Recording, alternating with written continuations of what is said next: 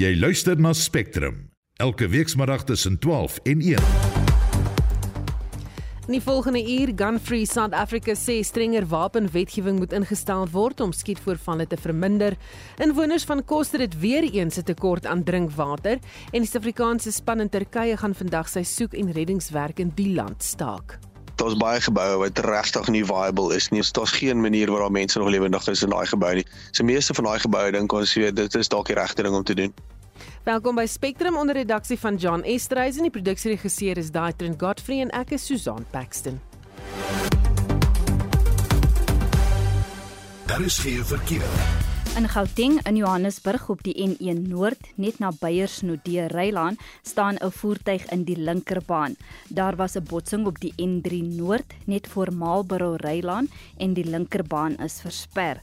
En in KwaZulu-Natal staan 'n vragmotor in die linkerbaan op die N3 Oos net na die Sanctuary weg afrit. Indien jy enige ander verkeersnuus het, stuur vir ons 'n SMS na 45889 teen R1.50 per boodskap. Ek is Bianca Olifant met die verkeersnuus vanmiddag.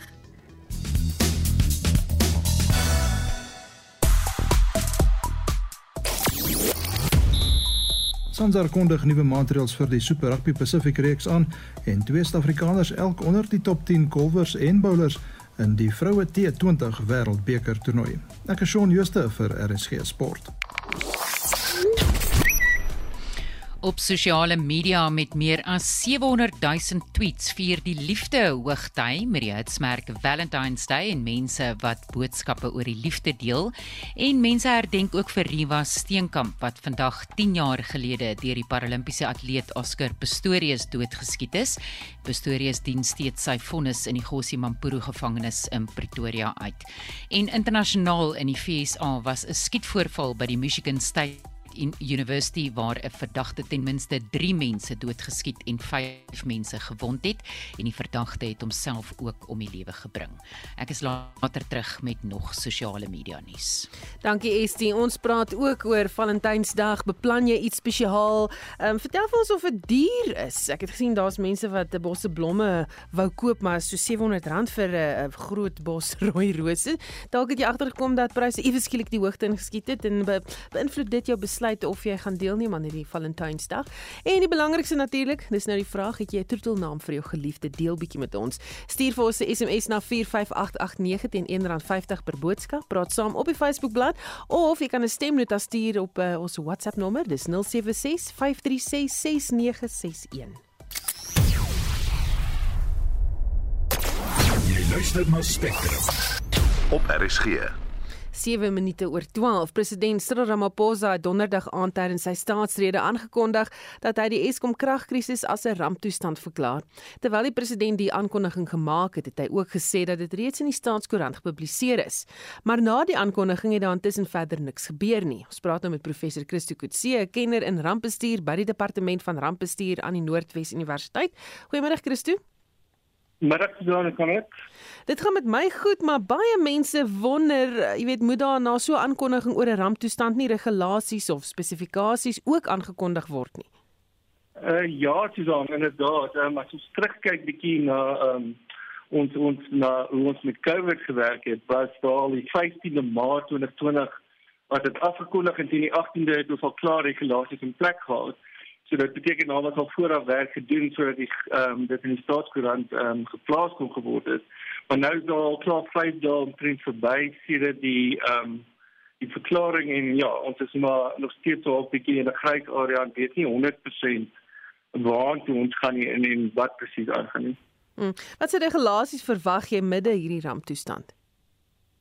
Ehm um, ja, so Heidiglik as mens as mens bietjie gaan kyk wat wat dalk die rede is, as ons bietjie bietjie kan kyk na wat is redes agter hierdie hierdie situasie is dat ehm um, dat al baie politieke ehm um, gespelery dalk hier in die agtergrond aan die gang is. Ehm um, as mens bietjie gaan kyk in ANC dokumentasie om dalk te verduidelik hoekom daar 'n uh, 'n uh, uh, so bietjie van 'n delay is, praat hulle baie daarvan dat die staatsrede en die begrotingsrede dit geleenthede om te wys dat daar iets aktief gedoen word om om die uh of die situasie aan te spreek. So dit dit mag dalk bloot 'n situasie wees dat die ehm um, die uh, ramptoestand afgekondig is voor die staatsrede en dan net voor die begroting gaan ons dalk sien dat die regulasies begin uitkom en dan kan daar gesê word maar dit is nou die begroting wat daar aangeheg word. So daar's dalk 'n uh, 'n uh, groot moontlikheid dat daar daai situasie uh, beter is om af te speel. Hmm. Met alles in ag genome is 'n ramptoestand wat nodig is om die krisis te bestuur. Jong, dit is weer eens ek ek dink alle akademici en ook ehm um, ehm um, NGOs wat werk in die veld van ramptoestand Christus, jy nog daar? Yes. Daar skies. Yes, yes. Sorry. Skies um, net so 'n bietjie verdwyn. Christus? Nee. Hallo. Daar's hy. As hy weer terug, miskien kan jy so bietjie skuif of links of regs draai dan gaan hy nie weg nie en dan kyk ons nog steeds na die vraag of die krisis of 'n ramptoestand steeds nodig is vir hierdie krisis. Ja, ek dink dit is natuurlik 'n gevolg van die load shedding. Ja, weer krag. Ehm um, so ek dink ons almal was eens dat dat dit nie eintlik as 'n ramp afgekondig kan word nie en dat daar reeds wetgewing in plek is om um, baie van die aspekte rondom hierdie ramp op so 'n naamde ramp te bestuur. En en die regering ehm um, het ook al al sê maande terug en julle het al reeds ehm um, 'n komitee in plek gestel om die energie krisis te hanteer en ook al klaar sekere beleidsintervensies wat hulle baie groot paterig is op die presidentsie se webwerf oor die suksese van hierdie binne die laaste 6 maande. So dit dan vreemd dat hulle nou oorgegaan het na 'n uh, 'n ramp is. Uh, uh want daar is regtig iets anders wat bygevoeg kan word noodwendig nie. Hmm. Baie dankie dit was professor Christo Kutse kenner en rampbestuur by die departement van rampbestuur aan die Noordwes Universiteit. Die organisasie Gun Free South Africa eis dat die regering doelgerig begin optree met betrekking tot wapenwetgewing om nog massa skietvoorvalle in die land te voorkom. Die organisasie sê onlangse skietvoorvalle in KwaZulu-Natal en die Oos-Kaap is net nog 'n bewys dat hierdie soort aanvalle 'n tendens word. Ons praat nou hieroor met 'n strategiese raadgewer by Gun Free South Africa, Jeremy Very. Goeiemôre Jeremy. Goeiemiddag en goeiemiddag aan die luisteraars. Dit blyk of sommige van hierdie massa skietvoorvalle bloot net skietvoorvalle is sonder motief. Wat is julle mening hieroor? Nee, lyk vir my daar's 'n probleem met daardie lyn. Kom ons kyk of ons vir hom kan terugkry intussen en uh, dan gaan ons verder gesels oor wapens en uh, die besit van vuurwapens, die wetgewing en miskien uh, jy weet of dit enige of 'n strenger wetgewing geplaas moet word sodat 'n mens um, jy weet die wapens beter kan beheer. In elk geval iemand wat sê ek was baie verras oor Checker winkels uh, gee roos en 'n lekker wanneer ons instap. Dis Marie van Bloemfontein so sy het 'n Valentine gekry. Lyk like dit vir my van Checkers af. En nog nog 'n luisteraar wat sê paar gelede my meisie nou my vrou Lily genoem op 'n WhatsApp boodskap, maar 'n tikfout gemaak waar Liefie noem, maar nou bly dit dit stiek sê Willem van Johannesburg so Lily daar Willem. En uh, nog iemand wat sê o, oh, sy wou eintlik net haar, haar uh, ouma Susan Fourie van Belwel baie gelukwens met uh, haar uh, verjaarsdag, lyk like dit vir my dis haar kleinseun of is dit 'n Valentynsdag? Daar's sy spanning lyk like, bietjie van Tieu Fourie wat so sê. En lyk like, vir ons sukkel bietjie om vir uh, Jeremy daar in die hande te kry om te gesels daaroor die ehm um, probleme met die wapens en of ons uh, dalk strenger wapenwetgewing moet hê. Intussen dit is die Afrikaanse span in Turkye se laaste dag van soek en reddingswerk na verlede week se aardbewing. Die sterftesyfer het die 38000 kerk verbygesteek, maar hulle het vanoggend met Leon Ferrie van Medi Response Ambulansdiens in Suid-Afrika gepraat kort voordat hulle ontplooi is. Yes, ek sê uh, ons geen toilet geriewe nie. Ons glad nie lopende water of iets in die aard nie. En ons is nou hier in die stadium wat ons hier in die Etay stadium wat ons matraai is 'n goue troon kry. En tot my verbasing vanoggend, toe kry ek 'n toilet wat flush. En ek het seker vir so 10 sekondes, 15 sekondes daar gestaan en net complete admiration dat ek 'n toilet gekry het wat flush. Dit was so amazing geweest. Dit is rarig waar die klein dingetjies. As ons nou so trekkie wegtree van die klein goedjies, hoe gaan dit met die groot dinge? Wat is die jongste? Hoe lyk die dinge waar jy is op hierdie stadium? So wat ons nou gisterand gehoor het by die een vergadering is dat vandag die laaste dag is van die search and rescue operations. Na vandag gaan hulle die meeste spanne onttrek. Ons werk nou klaar nie meer in die aande nie. Vandag soos ek sê is die laaste search and rescue operation en na vandag gaan hulle die groot masjien inbring en net geboue begin stroop. So ons is maar bietjie skepties oor hoe die die mense van Turkye dit gaan vat. Ons gisterand met 'n dametjie gepraat wat sê sy was hier gewees in 1999 toe die ander groot aardbewing geslaan het. En dit het hulle dieselfde gedoen na net oor 'n week toe hulle ook alles search and rescue gestop en begin 'n geboue stroop en mense het dit baie sleg gevat want daar's baie mense wat nog glo dat hulle families is lewendig onder die geboue. En daar is mense um, wat lewendig uitgehaal is op hierdie stadium. Daar is ons het ons span het saam met die Gift of the Givers en die Oman span het ons gister twee mense uitgehaal wat nog lewendig is. Reddingswerkers en nooddienspersoneel het gemengde gevoelens oor die kwessie. Daar's baie geboue wat regtig nie viable is nie. Daar's geen manier waar daar mense nog lewendig is in daai gebou nie. So meeste van daai geboue dink ons weet dit is dalk die regte ding om te doen. Maar dan is daar 'n paar ander geboue wat die moontlikheid is daar, maar dit ek bedoel sit nou al op dag 8 Ehm um, so ja, mens moet ook maar seker een of ander tyd die die streep trek. Wat is jou hoop vir vandag? Julle laaste dag. Ons hele kamp is baie optimisties dat ons maak 'n impak en ons hele kamp hoop dat ons nog mense lewendig kry op die laaste dag.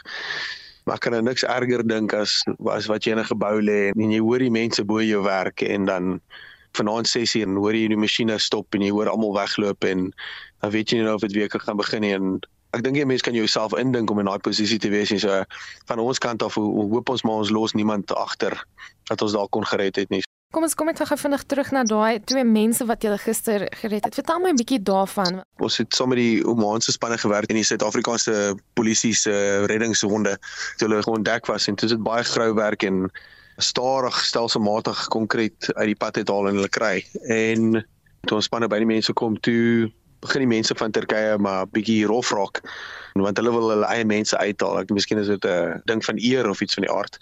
Ja, hulle begin bietjie rof raak die, die rescuers uit die pad uit trek om om die mense te kry. Dis 'n helse verligting om iemand uit te kry, maar sodra jy iemand uitgekry het dan gee hulle oor aan die paramedics en dan begin jy maar weer soek vir die volgende een. Dit was Leon Fourie van Medi Response Ambulansdiens in Suid-Afrika. Marlene Forsie hy konnies. Intussen neem die nood toe in Sirië waar daar heelwat minder internasionale hulp by slagoffers van die tragedie uitkom. Ons praat binnekort oor die politieke kwessies wat noodleniging in die land bemoeilik, maar intussen berig Marlenae dat inwoners van die land uitgelewer voel. Mike Bernard was enkele dae voor die aardbewing in Aleppo. Hy's 'n konsultant vir die bediening Dialogos wat hom daarop toespits om sendinggemeentes met strategiese raad oor wêreldgebeure by te staan. Daar is 'n 12 jaar oorlog in Sirië. So meeste van Sirië is verwoes. As jy kyk na Aleppo, dan is meer as 50% van die geboue reeds verwoes. Dit was voor die aardbewing. Mense wat net nie verblyfplek het nie, het party van hierdie geraamte geboue weer begin bewoon en eenvoudig ingetrek karton buite gesit en toegemaak. Met ander woorde toe die aardbewing plaasvind, was dit 'n tragedie op 'n tragedie en baie mense is net eenvoudig in daai geboue begrawe. Kollegas en vriende daar sê hulle is te bang om weer by hulle huise in te gaan. Ons een vriendin wat getroud is met twee klein kindertjies, sy's hoof van Youth for Christ in Aleppo, vertel hoe sy vir 6 dae buite in die reën moes staan. Dit is -6 grade buite. Hulle kan nie in die huise ingaan nie. Hulle is te bang die geboue stort ineen. Sy sê net I haven't slept for 6 days. Ek het vir 6 dae nog nie geslaap nie. My kindertjies huil. Hulle was in 'n kar ongeluk verlede jaar.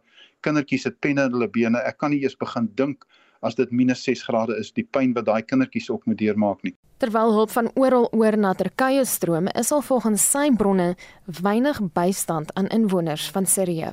In Sirië is daar net 3 en dit is Rusland, Palestina en Algerië hulpverlening in Aleppo en in Sirië, veral nog noord van Aleppo, bestaan amper nie. Dit is hartverskeurende as jy luister na die mense wat vir jou sal sê dat as daar net iemand ingekom het om ons te help om die bakstene af te haal, sou my familie gelewe het. Julle is tog besig om te kyk om in te gryp daar. Julle het nou al hierdie gemeenskappe. Hoe ondersteun julle hierdie mense nou en wat is julle planne vir die toekoms?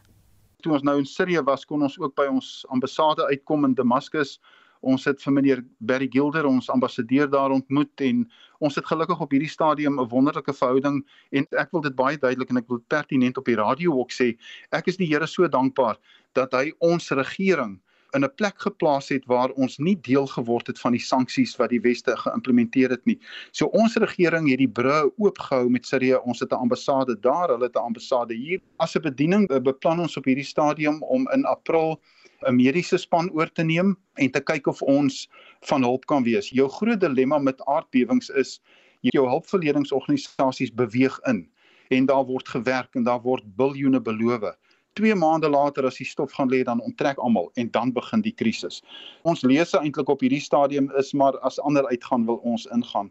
Dit was Mike Bernard, 'n strategiese konsultant vir die Dialogos bediening. Maar hoekom moet Suid-Afrikaners mense in Sirië help as hier soveel nood tuis is? Skakel vanmiddag in op Brandpunt om 4:06 vir sy antwoord. Marlene Forsie is hy konnies. Ons bly by die kwessie die VN verwelkom die Siriëse president Bashar al-Assad se besluit om twee grensposte oop te maak tussen Turkye en Noordwes-Sirië. Druk uit die wesse om op dië manier toegang tot die land te verkry het die afgelope week toegeneem, veral oor berigte dat Siriëse inwoners sonder hulp bly. En vir meer hieroor praat ons nou met Jaco Klein aan Solidariteit se internasionale kommentator. Goeiemôre Jaco. Goeiemiddag Susan. So verskillende magte heers oor verskillende gebiede in Sirië. Wie is hulle?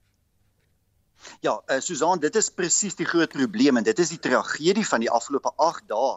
Jy weet dat dat reddingsspanne nie kon inkom in die noordweste van Sirië nie omdat hierdie magspel binne Sirië afgespeel het, maar ook globaal. Jy weet, dit is nie net 'n stryd tussen die Siriëse regering en president Bashar al-Assad um, wat wat natuurlik in stryd is al vir 11 meer as 11 jaar uh, teen rebelle groepe nie, maar dit is ook internasionale magte wat natuurlik hulle mag hier uitoefen met Turkye wat 'n deel van die noorde van Sirië beheer met Rusland wat uh, Bashar al-Assad ondersteun en wat al gedreig het by die Veiligheidsraad van die VN uh, om uh, om sekere dinge daar te te veto. Uh, die weste het almal hulle invloed in verskillende gebiede en almal ondersteun verskillende partye en dit het veroorsaak dat daar die afgelope 8 dae uh um dat dit 8 dae geneem het voordat uh, grensposte uh, oopgemaak is terwyl die enigste grenspos wat uh, voor hierdie aardbewing oop was tussen die noordweste van Sirië uh, en Turkye uh, die Baba die Baba al-Hawa grenspos ernstig deur hierdie aardbewing beskadig is. So, jy weet, eh, dit is dis dis 'n tragedie die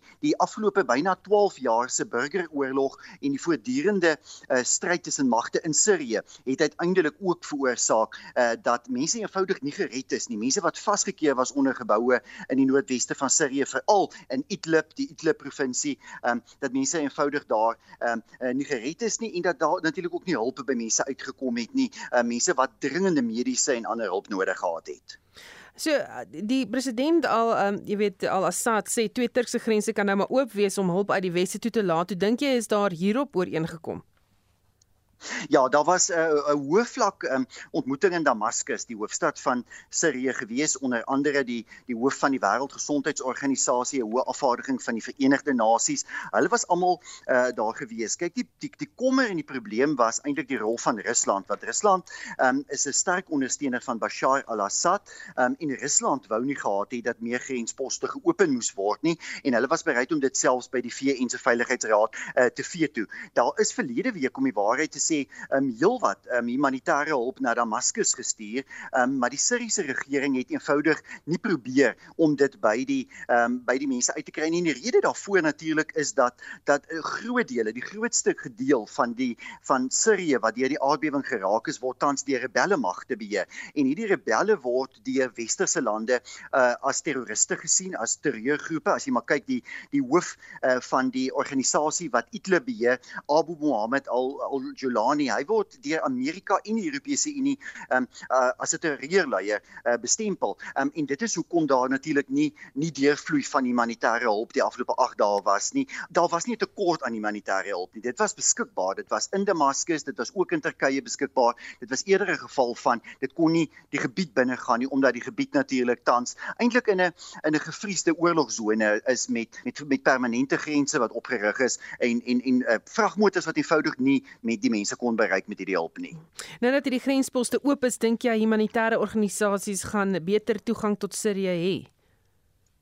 De waarskynlik uh, sal daar nou 'n uh, beter toegang wees. Kyk, die die werklikheid is dat ons nie eintlik weet ehm um, regtig hoeveel mense dood is in in die noordweste van Sirië, uh hoeveel mense nog vasgekeer is onder geboue nie. Uh die amptelike syfer sê dat daar 5700 mense in Sirië dood is. Dis nou uit die 37000 uh totaal, maar die reddingsoperasies in Sirië was was uiters uiters beperk geweest. So ehm um, die die humanitêre hulp is natuurlik goed en dit is nodig. Mense het mediese hulp nodig. Ons praat van duisende mense in Sirië wat ernstige beserings opgedoen het. Hulle daardie hulp nodig. Uh daar's 'n groot behoefte aan kos, aan warm klere, aan komberse en en ek dink dit sal wel die gebiede bereik. Die groot vraag is, um hoe gaan die hoe gaan die politiek hierop inspel? Wat gaan die rebelle magte um uh, se houding wees? Hoe gaan hulle uh, seker maak dat mense toegang kry tot hierdie hulp? Um en natuurlik, hoe gaan die verskillende magte um wat tans eintlik in hierdie oorlogssituasie is, probeer om die situasie te manipuleer? Dit sluit in president Bashar al-Assad, dit sluit Turkye in, dit sluit Rusland in. Um en die mense is eintlik jammer vir die mense in Sirië want hulle betaal uiteindelik die prys um vir hierdie voortdurende konflik in in Sirië. Baie dankie. Dit was Jaco Klein aan Solidariteit se internasionale kommentator. Nou ek probeer weer om te gesels met Jeremy Very, hy's van Gun Free South Africa, strategiese strategiese raadgewer daar. Jeremy, is jy daar? Ja, ek is hier. Goed, ons het 'n bietjie gepraat oor al hierdie skietvoorvalle. Dit blyk of sommige van hierdie massa skietvoorvalle bloot net skietvoorvalle is sonder motief. Wat dink julle van hierdie gebeure? Man, ons lê klem op die vuurwapens en ek ek wil net 'n paar punte maak hier eersins voor ons dit verder bespreek. Kyk, 'n vuurwapen het deraard is ontwerp met die doel om te dood. Né? Nee? As ons dit nou aanvaar so eenvoudig soos dit. Met beding ons lê sterk klem op verantwoordelike eienaarskap, hantering en gebruik soos gereguleer deur goeie wetgewing. Wat dit ook ten doel stel om die pool van toef, die pool wat die toevoer, wat die konstante toevoer wat wat die wat die wat die onwettige mark voed om dit effektief te reguleer sodat daar 'n vermindering uiteindelik is van vuurwapens in die omloop in omloop het sy wettig of onwettig uiteraard en sodoende dan vuurwapen uh, uh, uh, geweld se asem dan nou af te sny.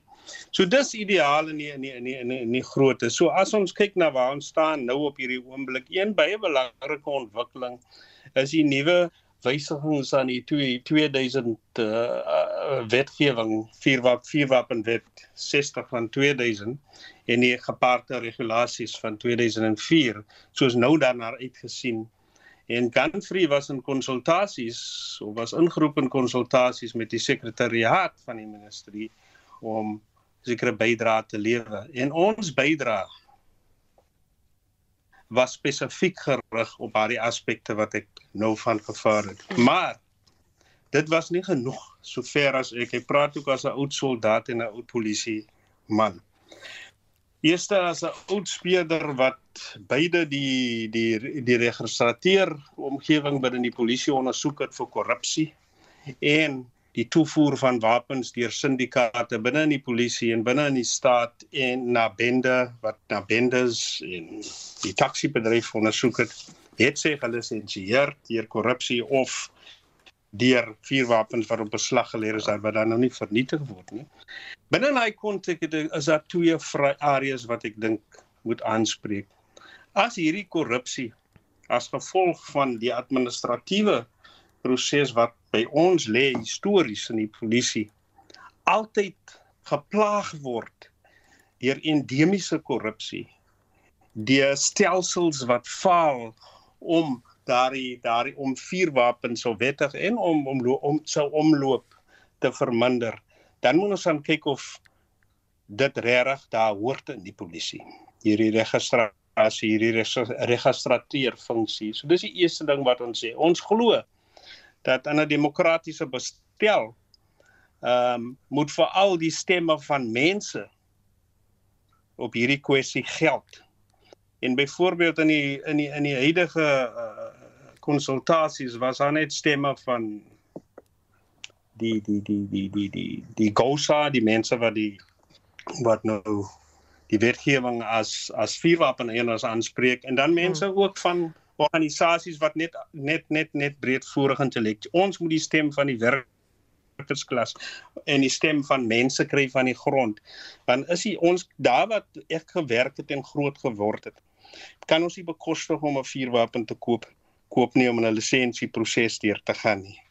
Maar ons is die grootste slagoffers van nalatigheid wat hmm. hierdie pool wat ons affekteer uh uh um um voet nalatigheid aan die kant van die staat, nalatigheid aan die kant grootendeels van van van vier wettige vuurwapen eienaars en ook rowe, nie net nalatigheid wat die gevolg het dat hierdie toevoer net die vloei net nooit ophou nie. En dit moet onthou word. Ons het iets te doen hier moet vuurwapens wat uit Mosambiek uitkom nie. As jy gaan na die Kaapse vlakte toe, as jy gaan na Texas geweld toe, as jy gaan na die kontrak, as jy ook gaan, dat dit ons te doen met handwapens. Hmm. Uh, Jeremy, so, sê gou vir my, um is is hierdie is die wapens die probleem um hierso of is dit 'n probleem met regulering? Met ander woorde, daar's baie streng wapenwetgewing reeds wat baie streng is ten opsigte van hoe jy wapen mag kry, wanneer jy moet kry uh en hoe hy gelisensieer word. Maar uh, as ek nou reg verstaan vir jou, is dit eintlik, jy weet, uh daar's 'n polisieeringsprobleem want die ouens wat wel onwettig wil optree gaan in elk geval hulle nie steur aan wetgewing en of jy sê dat wapens moet glad nie bestaan nie. Nee, kyk, daar's 'n ideale wêreld waarin ons enige iets wat ontwerp is met die doel om 'n persoon of enige lewe te neem, seker wil beperk. En uit 'n uit 'n as 'n oud soldaat en as 'n oud polisieman glo ek, dis net ons wie regtig permanent bevoegd moet bly om vuurwapens te heer. Maar dis 'n ander ander kwessie van 'n ander van 'n ander aard om te bespreek. Maar ek glo dis deels polisieering, dis deels wetgewing. Want wetgewing faal ons oor die afgelope 50, 60 jaar. Ons kan kan net nie hierdie toevoer stop nie. Maar die polisieering veral met betrekking tot ons benadering tot hoe ons dit polisieer is vir my die probleem hierdie ding waar ons dink ons gaan net met padblokkades en uh jy weet groot stop en searches goed stop. Is vir my nie doelgerig nie. Dit werk op poks en is 'n groot vermorsing van geld. Hmm. as dit nie gerig word gerig is deur spesifieke en ek glo die ou vuurwapen ondersoek eenheid waarvan ek deel was in die 90s ja die regte benadering. Ons het dit toegepas toe 'n grootskaalse wapentoevoer was as gevolg van geweld, derde mag geweld, politieke geweld en algemene ons ons smokkel smokkel van wapens oor ons grense was. En ons kon proaktief dit tot op die oorsprong ondersoek en en en en en en dan so hanteer hmm. deur alle en dink so dis vir my 'n kombinasie van en dan die ander ding vir my is 'n kultuur in hierdie land van onverantwoordelike eienaarskap of advertering van van vuurwapens vir vir selfverdediging. Jy weet een baie jy weet dit die die die die die die Magnum um um tydskrif het verlede jaar in sy Junie uh, tactical guide ding gesê 'n artikel gehad oor watter tipe ammunisie jy moet gebruik wat goed is vir self-defense en watter tipe van van van van vuurwapen is goed. Nou ek sal nou in Engels sê vir jou wat hulle sê, so hulle hulle woorde self lees. Op die ammunisie sê hulle vir voorbeeld, bullet expansion should be consistent to ensure reliable penetration and a large wound channel. Large wound channel, groot wondgang. Dit is vir my belangrik as 'n soldaat as ek in 'n geveg is. Ons kan nie hierdie militaristiese tipe van denk wie denk wees wyse inbring by 'n 'n selfverdedigingstipe van ding by siviele persone nie.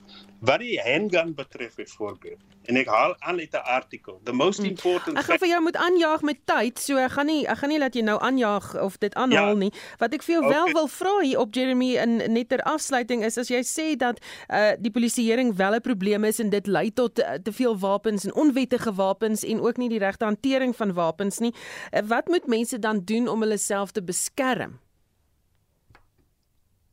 man die van ons in die ghettos waar die meeste wat geaffekteer word deur hierdie korrupsie en nalatige verliese. Ons het nie vuurwapens nie. Maar ons kom leer by ons hoe ons 'n situasie hanteer. Deur nie eers te dink aan 'n vuurwapen as 'n self selfverdedigingsopsie nie. Hmm. Ons het baie ander maniere van van hoe ons dinge hanteer terwyl ons gebuk gaan onder geweld. Miskien is dit tyd dat mense na ons luister, né? Nee? En vir ons vra, hoe gaan julle te werk? Vra vir my as 'n polisieman wat in Mitchells Plain en Yanga en al die groot Elsies rivier brand brandpunte gewerk het. Hoe het ek deur my hele loopbaan son om ooit my vuurwapen terug en te skiet binne in my omgewing gewerk? Dan kan ons miskien vir julle ander dinge in die lewe vir siviele persone leer, ander maniere leer. Jy weet, dit is nie miskien so eenvoudig so dit nie, maar ek dink julle moet 'n slag na ons luister. Daar sê dit klink vir my na 'n goeie goeie plan daai eerder nie geweld nie, maar om uh, ander planne en maniere uit te dink. Baie dankie het gepraat met Jeremy Veer, strategie, strategiese raadgewer by Gunfree SA.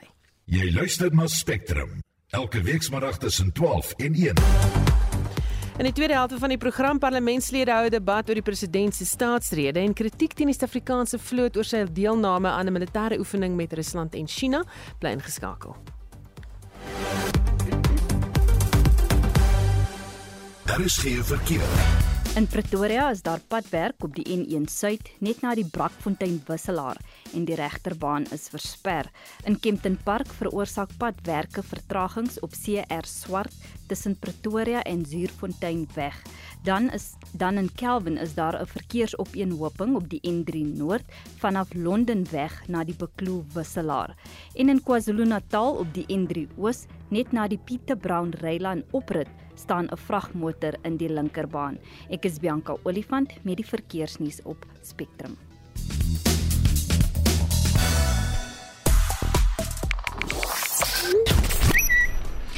Ander groot nuus op sosiale media is die Sona debat wat parlementslede in reaksie het op president Cyril Ramaphosa se staatsrede verlede donderdag en dit vind in die Kaapstad se stadsaal plaas en ons praat ook binnekort in Spectrum hieroor.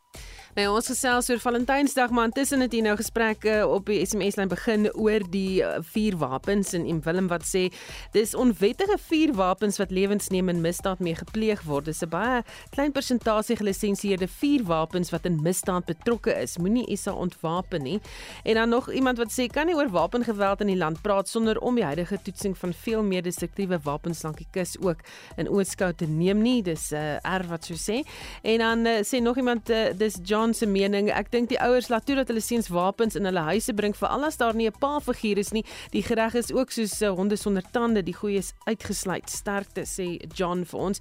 Klomp mense wat uh, gesels nou oor hierdie wapen, uh jy weet lisensies en die gebruik daarvan en wie is nou verantwoordelik vir die misdaad wat uh, daarmee verband hou. Ons gaan kyk ons nog met mense kan gesels en rolspelers die in die loop van die week so as jy in belangstel in hierdie gesprek gaan jy moet inskakel daarvoor in Spectrum tussen 12 en 1 vir die res van die week. Shaun Jooste die jongste sportnuus. In rugby nuus, Sansa het nuwe maatreëls bekend gemaak om die Super Rugby Pacific reeks wat op 24 Februarie begin vinniger en meer opwindend te maak. 'n Stophorlosie sal gebruik word en laat 90 sekondes vir verdoelings, 60 sekondes vir strafskoppe en 30 sekondes vir skrims en lynstaande toe. Daar sal 5 sekondes gegee word om die bal by die afbreekpunt te speel. Televisieskeieregters sal ook minder geraadpleeg word. Cricketnuus. Die vroue T20 Wêreldbeker is hier in Suid-Afrika aan die gang. Australië kom vanaand 7 uur op St George's Park in Kaapberga teen Bangladesh te staan. Ons kyk gou na die jongste punteleer. In groep A Sri Lanka en die Aussies eerste en tweede op 4 en 2 punte onderskeidelik met Suid-Afrika derde op 2 punte. In groep B bekleë Engeland en Indië die eerste twee plekke. Die Suid-Afrikaners Chloe Tryon en Sunay Lee is 7de en 8ste op die golfranglys met 50 lopies elk en Marizaan Kap en Nonkululeko Mlaba is 7de en 9de onder die bowlers met 3 paaltjies elk. Die Proteas meet Saterdag 18 Februarie in Kaapberg teen die Aussies en Dinsdag 21 Februarie in Kaapstad teen Bangladesh kragte. Onthou die top 2 uit elke groep dring deur na die halfeindronde. Op die sokkerveld meer die Franse reuse Paris Saint-Germain vanaand om 10:00 in die eerste been van die Kampioenligga se laaste 16 ronde teen Bayern München van Duitsland en AC Milan van Italië dieselfde tyd teen Tottenham Hotspur van Engeland kragte. En hier in Suid-Afrika in die Nedbank beker se laaste 32 ronde speel Polokwane City vanaand 08:30 teen Chippa United. En dis John Jooste van RSG Sport.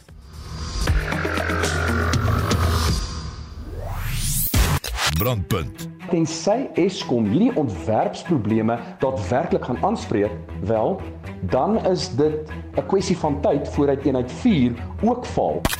Dit beteken dat die burgemeester is bloot 'n gewillige marionet in die hande van die ANC. Brandpunt. Internasionale wetenskaplikes besef nou hierdie dieet, hoë vet en lae koolhidraat, is veral belangrik vir koloonkankerpasiënte. Brandpunt. 'n Blitsoorsig van die dag se nuusbrandpunte. Weksmiddag tussen kwart voor 6 en 6 uur net op RSG.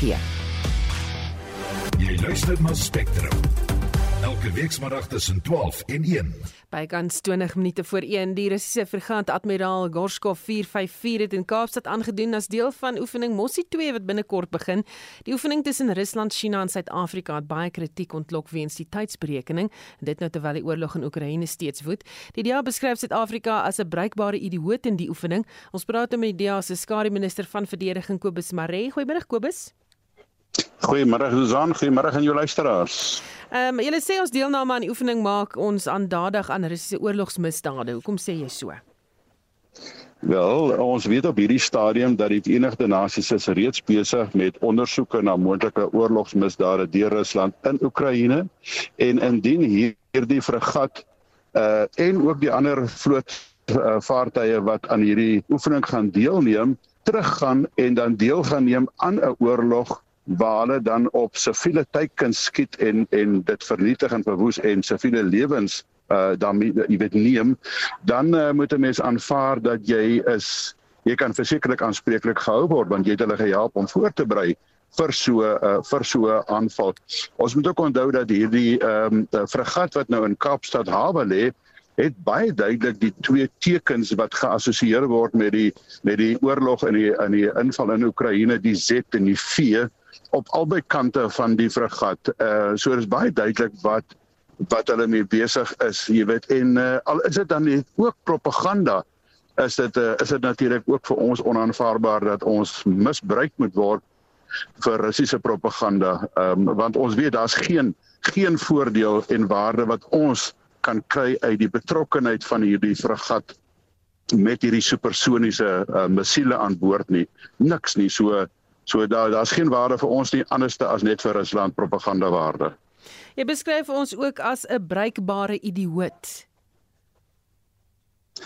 Wel die die hele argument wat ek nou verduidelik het is jy weet dat ons bereid is dat Rusland ondanks die gevare wat bestaan, ondanks die absolute negatiewe kommentare wat daar uit diplomatieke kringe kom, wat daar uit handelskringe kom, wat daar uit in 'n uh, beleggingsklimme kringe kom, wat daar uit aktiviste, akademici en hoeveel ander kom wat almal wat sê daar is geen sin in hierdie oorlog nie in en natuurlik ook in hierdie oefening nie.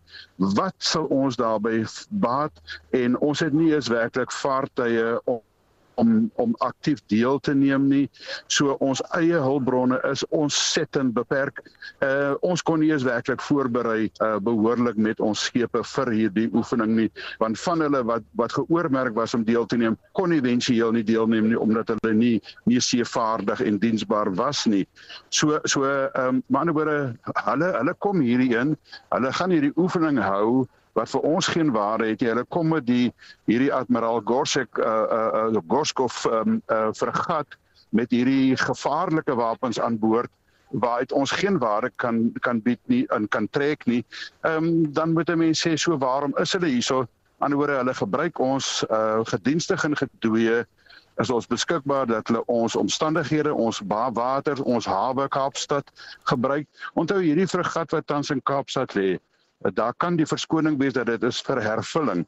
Maar hervulling is nie nodig nie want hierdie fregat word vergesel deur 'n deur 'n 'n 'n skip uh, wat 'n tanker is wat wat brandstof saamry en saamvaar oral waar hierdie fregat gaan. So met ander woorde hervulling vind in elk geval op die see plaas. So daar's daar's met ander woorde geen ander waarde wat hierdie skip kan hê om in Tafelbaai se hawe te lê anders as om die spreekwoordelike middelvinger vir die weste in uh, in vir Suid-Afrika se oppositie te wys nie. Baie dankie dit was Kobus Maree die diaskari minister van verdediging.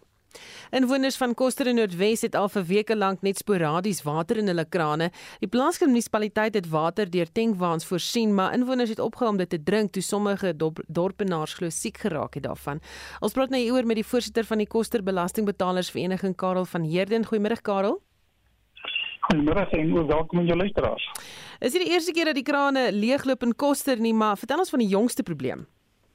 Ja, die probleem is nou dat ons het in 2020 Desember maand reg gekry om die water en rioolwerke oor te neem en ons het dit toe gedoen ook van die 7de Januarie af tot die 13de Mei.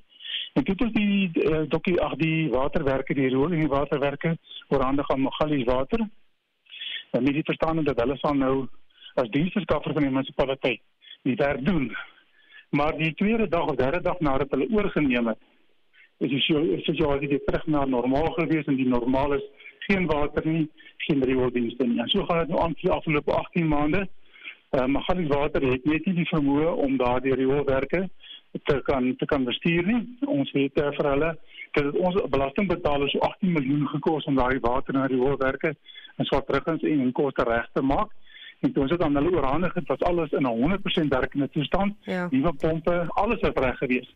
Hulle kan nie nou sê dat hulle dat dat hulle 'n uh, 'n vervalle infrastruktuur van die munisipaliteit ontvang het. Dit is glad nie so nie. Hulle het besteed op die aard ehm um, uh, water en roerwerke gekry, maar hulle mm. hulle hulle glad nie. Sê vir my Karel, bevoeg om dit te doen. Jy moes of jy moes al voorheen jouself na die hof wend oor hierdie kwessie en ek onthou daardie storie toe jy die waterwerke oorgeneem het, alles mooi oorgedoen het en toe nou weer moes teruggee, maar gaan jy weer hof toe moet gaan nie oor?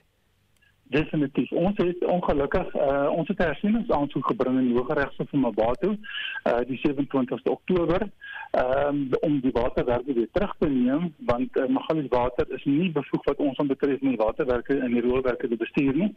Ongelukkig is die uitspraak teen ons gewees.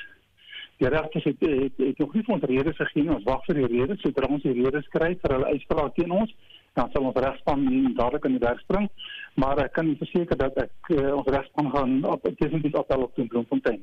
Want ons kan nie ons kan nie toelaat dat die water en rioolwerke verder verval nie want dit ons ons betref al die inwoners. Mm. en inherent het die uh, regters vir ons gesê dat uh, alhoewel Magaliese staatsorgaan is, is hulle het hulle die reg om daardie dienste te lewer wat hulle nie lewer nie. En of hulle nou water of riooldienste aan ons lewer is irrelevant En dit is eintlik wat die uitspraak vir ons sê. Ons ons het nie die reg om self ons water en rioolwerke te bestuur nie.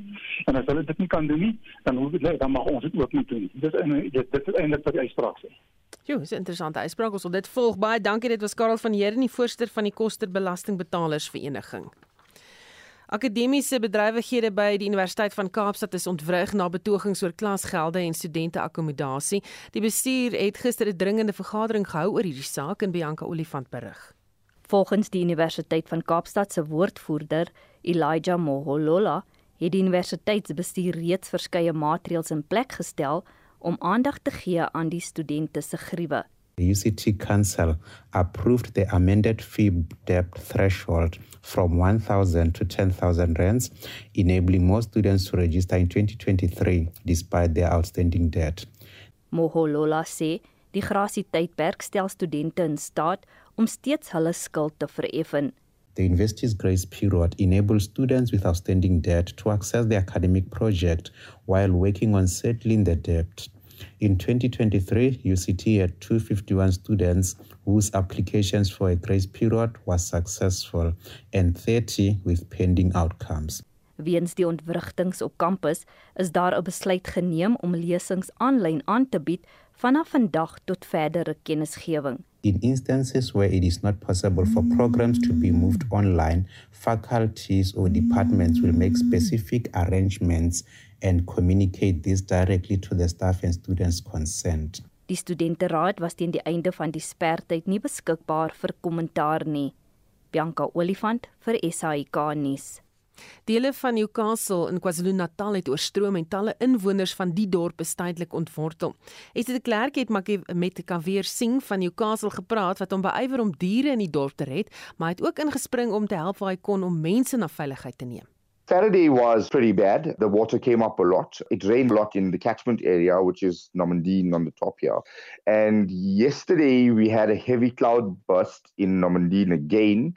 And that completely flooded our town, made it some of the worst floods that we've seen. Our taxi rank is underwater. Some of our businesses are underwater also that are low-lying businesses completely flooded. Lots of residents had problems last night. We actually moved a few dogs last night out of their homes and uh, you know took them to other places that we can. Sing sê meer as 100 mense moes uit hulle huise na veiligheid geskuif word. We were at people's houses last night that told us they were relaxing in their lounges watching TV, and the next thing there was water coming into their lounge, and their house was completely flooded. Well, a few of the homes were completely flooded, but the residents really got it rough. We got some homes that are built along the side of the river. We have a few halls and churches that are accommodating people. Last night, at about half past nine in the night, there was already about 150 people in the Fairley Hall. So people were accommodated in that area, in that hall, and it was already full. And uh, we have a few churches that opened up their doors. You know, we've got to take our hats off for the Muslim community in Newcastle. They also were very active. They helped us a lot with sandbags and they were very actively involved in, in what needed to be done. Sing wat ook die slangvanger en rehabiliteerder op die dorp is, het ook oor die naweek en gister ingespring om beeste en 'n perd te red wat in die vloedwater vasgevang was. One horse was pegged into the ground close by to the river and was left there. And the river came up so fast and the owner actually didn't care about the horse. I went to find him. He was like yeah i've got other things to worry about besides for that horse. When the river came up the horse was up to its shoulders in water at that time and the river had been flowing very fast. So i climbed into the river and my mother was not very happy about that because she says i could have drowned but i didn't really think about it too much. I just got in and got the horse out you know cut the rope and got the animal out. Eventually the spca did come to me and say okay you know what? We're going to take the horse away or uh, and uh, put it into safekeeping until they can do something with it. Sing het ook 9 honde gered van inwoners wat vir nou uit hul huise na veiligheid geneem moes word. Ek is Estie de Klerk vir SAK nuus. Die minister van Bosbou, Visserry en Omgewingsake, Barbara Krisi, het pas 'n paneel aangestel om die proses van piggewynbewaring, maar ook die bestuur van diepseevisserye wat visspesies soos sardientjies vang te bestuur. Die brilpiggewyn se getalle het drasties gedaal en die spesies hoogs bedreig weens die tekort aan voedsel as gevolg van oorbevissing. Die woordvoerder van die departement, Albi Modisi, sê beperking op visserye is tot en met April verleng. Minister Barbara Creasy has appointed an expert review panel that will advise on managing the interactions between small pelagic fishery and the conservation of the African penguins. African penguins are endemic to South Africa and Namibia, but have decreased from more than a million breeding pairs to about 10,000 pairs in the last century. In September last year, the department announced the interim closure of some of the areas around major penguin colonies along the South African coastline to commercial fishing, amphory, and sardine between September 2022 and January 2023. This came as a precautionary measure that was aimed at ensuring the survival of the species while balancing ecological and socio-economic trends. The limitations on fishing has been extended to mid-April 2023 and further decisions on the matter will be made depending on the work schedule of the review panel. The expert review panel will review all related science outputs over recent years, including the outcomes of the island closure experiment, which was undertaken by the department over the last decade. The terms of reference for the review panel and the panel members were established in consultation with the representative from the fishing and bird conservation sector. The panel, which has already started its work, will focus on reviewing the interpretation of the island closure experiment and explore the value of island closures in providing meaningful benefits to penguins while reviewing the processes and outcomes completed through the governance forum. The panel will also advise on further science and monitoring methods. Dit was albei Modisi, die woordvoerder van die departement van bosbou, visserry en omgewingsake. Die sake reddingspraktisyn van die Mango Lugdiens, Sipho Sono, het 'n aansoek by die Hooggeregshof in Pretoria ingedien om die minister van Openbare Ondernemings, Pravin Gordhan, te dwing om 'n besluit oor die voorgestelde verkoop van die lugredery te neem. Sono sê 'n belegger wat aan beide die SAL en die minister bekend is, is geïdentifiseer in Bianca Olifant berig. Mango Lugdiens se sake reddingspraktisyn Sipho Sono sê 'n opgedateerde aansoek om goedkeuring is in November verlede jaar by Gordhan ingedien.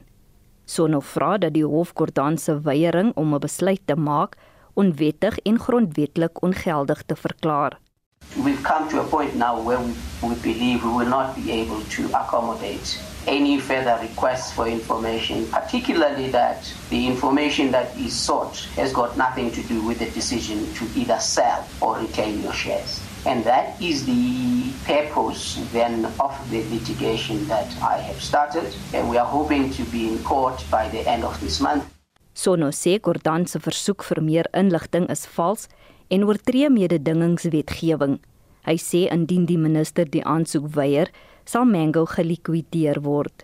For example, one of the requests was that SAA should review the business plan of this investor. Now, that cannot happen because SAA will be a competitor with Mango after the disposal. So, no investor will agree to share their business plan with a competitor. Die Suid-Afrikaanse Lugdiens sê Gordhan het die reg om soveel inligting moontlik aan te vra sodat hy verantwoordelik kan optree oor die verkoop van die onderneming. Die verslag deur Naledi Ngobo, Bianca Olifant vir SAK nuus. Marlene Forsie sluit naby ons aan met 'n opsomming van die afgelope uur se ontwikkelende stories. En ons begin met die ramptoestand om die kragkrisis. Daar was nog geen duidelike regulasies of spesifikasies aangekondig nie.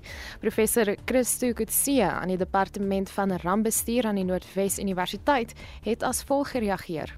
Terugkyk bietjie na ehm um, hoe ons met COVID gewerk het. Was daar die 15de Maart 2020 wat dit afgekondig en teen die 18de het ons al klaar regulasies in plek gehad. So dit beteken nou dat ons vooraf werk gedoen sodat dit in die staatskoerant geplaas kon geword het. Maar nou is al klaar 5 dae omtrent verby sedert die verklaring en ja, ons is maar nog steeds so 'n bietjie in 'n grys area en weet nie 100% waar toe ons gaan nie en wat presies aangaan nie. Wapenwetgewing is opnuut onder die soeklig na die skietdood van die kletsrymer AKA. Nou die organisasie Gun Free South Africa sê nou ander onlangse skietvoorvalle in KwaZulu-Natal en die Oos-Kaap dien as 'n bewys hoekom die regering doelgerig moet optree met betrekking tot wapenwetgewing. 'n Strategiese raadgewer daar is Jeremy Wery. As hierdie korrupsie as gevolg van die administratiewe proses wat by ons lê histories in die polisie altyd geplaag word deur endemiese korrupsie, deur stelsels wat faal om vuurwapens so wettig en om om om sou omloop te verminder, dan moet ons aan kyk of dit regtig daar hoort in die polisie. Die president se staatsrede word op die oomblik gedebatteer.